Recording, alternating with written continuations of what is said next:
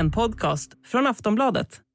The applause, the amazement that is being shared by everyone at this stunning skier from Sweden, Charlotte Kalla. Olympic gold in the women's skiathlon for Sweden and Charlotte Kalla. Vi har medaljläge och det kan till och med bli guld, Johan, för Hanna Öberg som har gjort en strålande tävling. Verkligen en imponerande tävling. Fullt skytte hela vägen för Hanna Öberg som tar sig i mål med en ledning på 24,7 sekunder före Kuzmina. Vilken tävling av Hanna Öberg! De vinterolympiska spelen i Kina närmar sig med stormsteg. Nu är det bara dagar kvar tills det är dags att tända OS-elden i Peking. Snacket inför OS har till stor del handlat om det är rätt eller inte att låta just Kina arrangera OS igen med anledning av deras brott mot mänskliga rättigheter.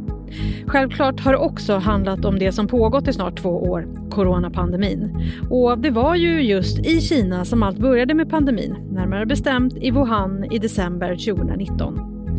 Självklart kommer pandemin påverka de olympiska vinterspelen på samma sätt som det gjorde i somras när OS ägde rum i Tokyo.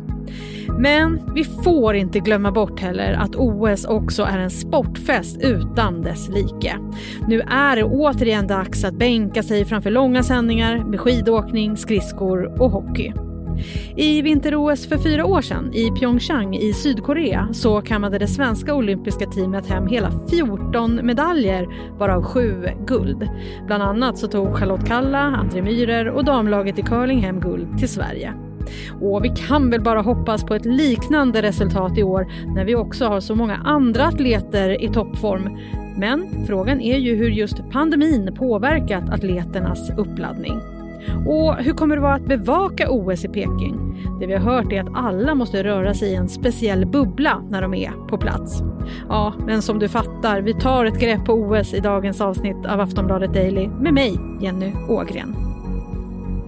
Och några som redan är på plats i den här bubblan det är mina kollegor på Sportbladet Anna Rydén och Petra Thorén. Hallå! Hej! Hallå, hallå!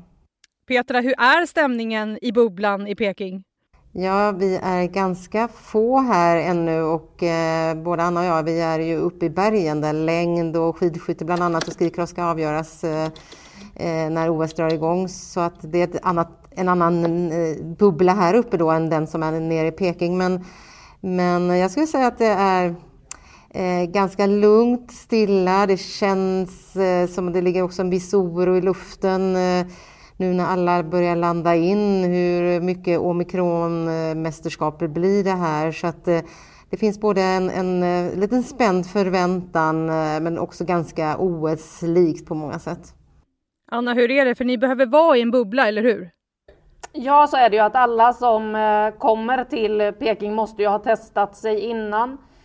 Dubbla tester måste man ha visat negativt innan man ens flyger in här och sen så är det ju ett första test här direkt när man landar för att då komma in i den här bubblan och vara här inne och sen när man har klivit in i bubblan då är det här man är. För normalt sett så har ju Kina 21 dagars karantän eh, bland annat och eh, det undgår man ju då genom att vara i den här bubblan som blir som en egen liten värld så att vi får absolut inte bryta bubblan, gå utanför eh, och det här gäller ju då alla som på något sätt är involverade i OS. Vi journalister, alla aktiva, alla ledare, alla som kliver in i OS-bubblan kommer få befinna sig här hela tiden och inte bryta den. Petra, i höstas så pratade du och jag i Daily om det här med att, det här med att man faktiskt arrangerar OS i just eh, Kina igen. Hur, hur säger du nu? Hur går snacket i just Peking om att man är i just Peking? Ja, bland alla som landar in nu så finns det lite olika aspekter. Det är ju de aktiva som är kanske då liksom väldigt ändå inställda på, på sin idrotts, kommande idrottsprestation och på något sätt så, så gör alla sina förberedelser. Men det, det pågår ju diskussioner både då, eller främst ur den här pandemiska aspekten att eh, är det verkligen rimligt? Eh, och den känslan har man ju själv. Jag tycker att man eh, kastas mellan hopp och förtvivlan lite grann och, och funderar på, på om det här verkligen eh, både är nödvändigt och, och, och eh, egentligen alltså, rätt att försvara, att man ska försöka få till ett mästerskap i den här situationen när det är så många som är drabbade och sjuka. Det känns absurt tycker jag faktiskt när man är här på plats. Anna, finns det några atleter som eh, bojkottar? Nej, det är ju inga atleter som bojkottar vad vi har sett i alla fall, utan det som handlar om bortfall av atleter så här långt, det är ju de som eh, faktiskt faller ifrån på grund av positiva tester tyvärr. Precis som Petra är inne på så vet man ju inte vilka som kommer komma till start och hur mycket ett guld kommer vara värt. Vad man kommer känna efter beroende på då ja, men vad, hur många av de bästa var det som var borta. Skulle liksom topp 10 i någon av grenarna falla bort så eh, undrar man ju så här, okej, okay, hur mycket känner man i efterhand att det guldet som den som vann tävlingen var värt? Vad skulle det vara? Vad, blir det, hur stor skillnad blir det liksom om Frida Karlsson tar ett guld i, i längd om inte Therese Johaug också stod på start? Kommer alla då säga att ja, nej, men hade Therese varit där så hade ju Frida inte vunnit. Så kanske det inte hade varit. Vi har ju sett att Frida kan slå Therese den här säsongen, men då kommer ju det alltid vara ett frågetecken. Så att det är ju den typen av bortfall vi har sett än så länge, de som har testat positivt. Inte då Therese Johaug än så länge, men det finns ju i den norska längdtruppen och det har ju varit den stora snacken sen så här långt inför OS att Norge har problem och att det är väldigt, väldigt oroligt på deras förläger nere i Italien. Vi får väl se. I nuläget vet vi inte om eller hur många norska längdåkare som faktiskt kommer kunna ta sig till Peking. Men Petra, det verkade som att det har blivit något bortfall ändå från den svenska truppen nu. Ja, eller bortfall. Eh, det är en, en ledare, eh, Johan Flodin, som, eh, som testade ett positivt svar på sitt test när han kom till, till Peking och även det andra svaret har påvisat samma sak. Så han sitter isolerad i ett eh, karantänshotell någonstans i Peking och eh, det är ju då en, en ledare. Eh, de har ju, jag pratade med, med SOK, Sveriges olympiska kommitté, alldeles nyligen och enligt smittspårningen så har han inte haft det som vi kallar då nu för eh, close eh, contact, eh, alltså varit så nära någon så att, så att någon annan behöver vidta åtgärder i den svenska truppen trots att han suttit på samma flyg, samma flyg som mig från Göteborg också. Eh, så att de är ganska lugna än så länge över det då eh, och han är isolerad. Eh, men visst, jag menar på det flyget så var det svenska skidskyttar och det var skikross, eh, nej det var det inte, det var puckelpiståkare och rådlåkare och, och, flera ledare. Så att eh, det är klart att det alltid är eh, ett orosmoment så fort det kommer in i truppen. Men, men ja, de verkar rätt lugna, i alla fall utåt. Mm, det, ni var inne lite på det här med eh, att man måste ha negativa test och sådana saker för att ens få komma in i den här bubblan. Och för några veckor sedan så var det mycket snack kring tennisproffset eh, Novak Djokovic som blev utslängd från att delta i Australian Open eftersom han inte var vaccinerad. Vad är det för regler som gäller för atleterna i OS, Anna? Det är ju så att eh, är man vaccinerad då är det bara att ta de här testerna och åka in i bubblan. Är man inte vaccinerad då behöver man ta den här 21 dagars karantänen först den eh, som i Kina har normalt sett. Vilket ju då för många idrottare blir väldigt svårt för ska du sitta instängd under din uppladdning 21 dagar helt isolerad i karantän så kan du inte hålla igång på det sättet som du kanske behöver för en optimal OS-uppladdning. Så att eh, de flesta här är väl vaccinerade men jag har sett att det finns fall där det faktiskt är några som har suttit 21 dagar och väntar då på att få kliva in i bubblan. Så det går om man inte är vaccinerad men då måste man sätta sig i den här karantänen innan man får möjlighet att kliva in. Och så får man träna inomhus då helt enkelt? Exakt, och det har vi ju sett eh, under vissa, under förra året där, det var väl också i samband med en del tennismästerskap och sådär, hur en del tennisspelare stod och liksom sköt på väggar med bollar och fick komma på kreativa lösningar. Men det är ju också så att eh, man har sett andra atleter som laddar inför det här mästerskapet just nu på grund av rädsla så är man ju inte på gymmet på samma sätt. Längdskidåkare och skidskyttar och sådär, ja de kan träna ute Absolut. Men sen när de väl ska in och göra styrka, ja men då är det många av dem som istället faktiskt har valt att göra diverse övningar på rummen istället. Man går inte till gymmet, man har inte kontakt med ledare och tränare på samma sätt som man normalt sett hade under en OS-uppladdning, utan OS-uppladdningen för många aktiva har ju handlat om bara att kunna ta sig till OS, inte att toppa formen inför ett OS. Eh, och det känns ju kanske lite märkligt när man läser om alla de här vittnesmålen om hur de istället ligger och gör sit-ups och hoppas att det inte finns några omikronvirus inne på deras rum eh, istället för att kunna verkligen pusha hela vägen för att okej, okay, det här händer bara var fjärde år, det här kan vara once in a lifetime. Jag är i toppform och ser man till exempel på Therese Johaug som jag var inne på tidigare, hon har inte ett enda individuellt OS-guld i karriären än. Det är hennes stora mål just nu. Så att, eh, att hon får den här uppladdningen och då flera som gör sina första mästerskap. Det är, det är så otroligt märkligt att det här är vägen fram till ett OS. Då blir ju ändå OS ännu mer spännande på något sätt, känns det som.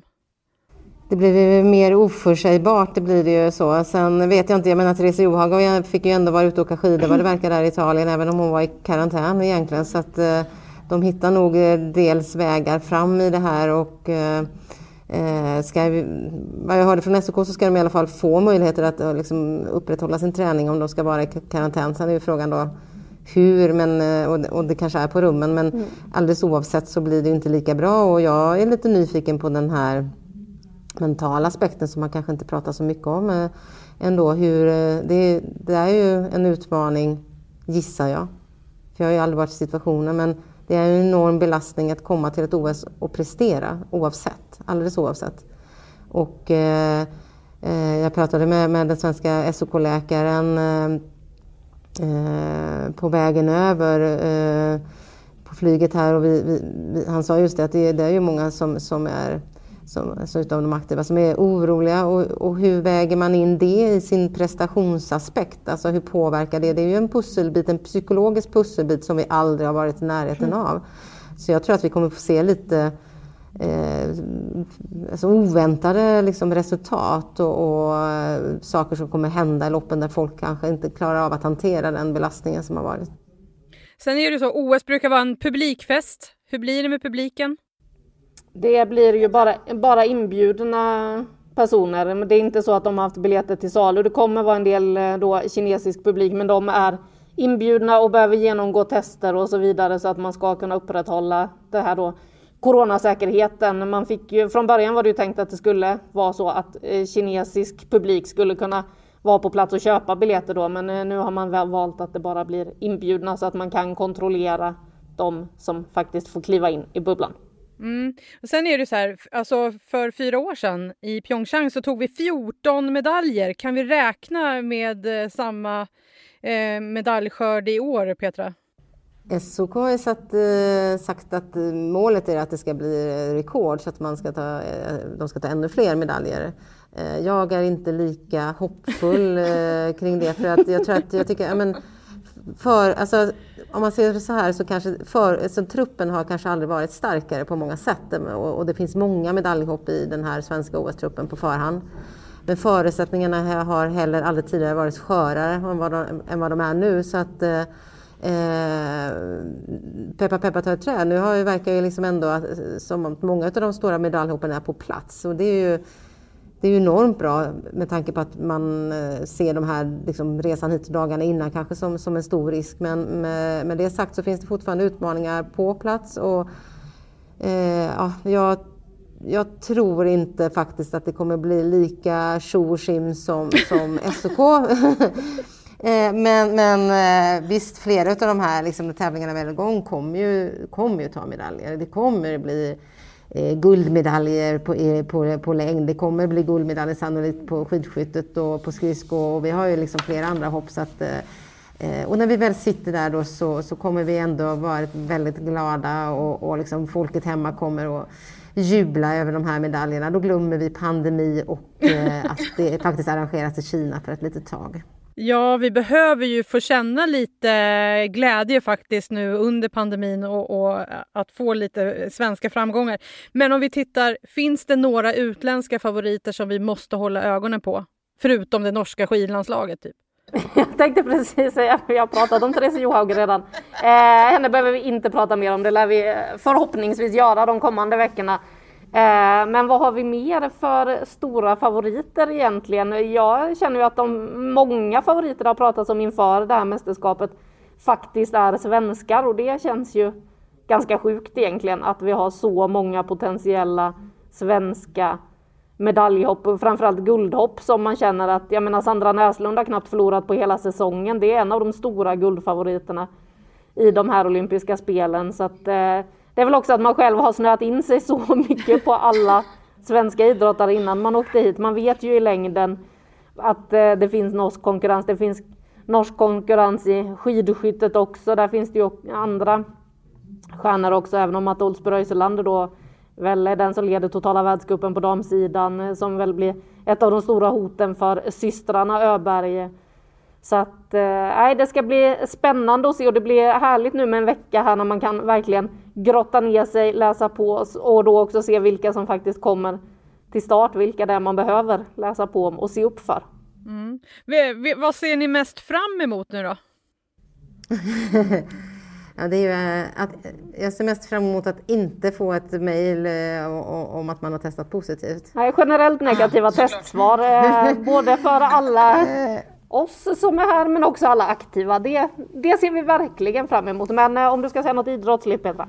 Ja, men då ser jag förstås eftersom jag är liksom längd eh, dedikerad så ser jag självklart fram emot en svensk seger i, i stafetten och jag ser fram emot eh, att Frida Karlsson nitar dit Therese Johaug. För jag hoppas verkligen att hon kommer på plats så att det blir en riktig fight. Eh, och att Maja och Jonna eh, tar varsin medalj i sprint. Eh, jag har också en stor kärlek för, eh, till konståkningen och eh, det brukar vara en av mina höjdpunkter. På sommarås är det gymnastik och på, på vinterås så är det att få åka ner, sätta sig i den stora ishallen och se på konståkningen. Och, det är lite fler utmaningar det här året men jag hoppas att jag kan få till, få till det för det tycker jag är häftigt. Men sen, sen har vi ju dessutom alla de här osannolika hjältarna, liksom, de här som, som inte vi känner till, som, som slår sig in i vardagsrummen, som landar framför tv-sofforna liksom, i, i knät på, på alla som sitter och följer er. Ni vet de här uh, unga härliga svenska personerna som är varken är mediatränade eller bortskämda med uppmärksamhet. De ser jag fram emot att få, få få, få både ta, ta del av här på plats och, och, och eh, berätta om hem, hemdagen. Ja, det längtar vi efter. Vi längtar efter att stå och hoppa i någon stafett och stå och hoppa att det Sverige liksom tar och vinner och att det, att det är Sverige som är favoriter. Är ju helt fantastiskt. Det gillar man ju och Frida Karlsson har lovat att hon inte ska uppmana hela Sverige att stå stilla under stafetten den här gången med tanke på hur det gick i Oberstdorf när hon gjorde det sist. Jag ser ju också fram emot skikrossen då med Sandra Näslund med tanke på hur det såg ut för henne för fyra år sedan när hon också var en av favoriterna då, inte lika solklar favorit som den här säsongen. Men då slutade det ju med en fjärde plats. Hon tog sig till finalen i skikross men kom sist i den. Var otröstlig efter tårarna bara rann och rann och rann när hon gick igenom den mixade zonen. Hon stod där och svarade på alla frågor, var otroligt stark i den eh, väldigt, väldigt tunga stunden som det var för henne. Till och med kungen var framme och tröstade henne efter. Eh, det var väldigt fina scener, men jag ser ju fram emot att få se henne ta revansch. Jag hoppas verkligen att det blir så, för det vore väldigt fint att få se henne knyta ihop den säcken. Så att eh, Sandra Näslunds skikross, eh, den tycker jag också att vi ska se fram emot. Förutom då Nils van der Poel, hela Sveriges nya älskling. Han ska ju också bärga lite guld åt oss. Det är tanken. Det hoppas vi. Vi har mycket att se fram emot. Petra och Anna, tack för idag. Tack själv. Vi säger tack till Sportbladets reportrar Anna Rydén och Petra Thorén. Under OS så kommer vi att göra en OS-podd varje dag om det som har hänt och händer i Peking med mina kollegor Patrik Syk och Julia Karlsson som programledare. Podden den heter Studio Peking och du hittar den såklart där du hittar poddar. Aftonbladet Daily är slut för idag. Jag heter Jenny Ågren. Vi hörs. Hej då! Du har lyssnat på en podcast från Aftonbladet. Ansvarig utgivare är Lena K Samuelsson.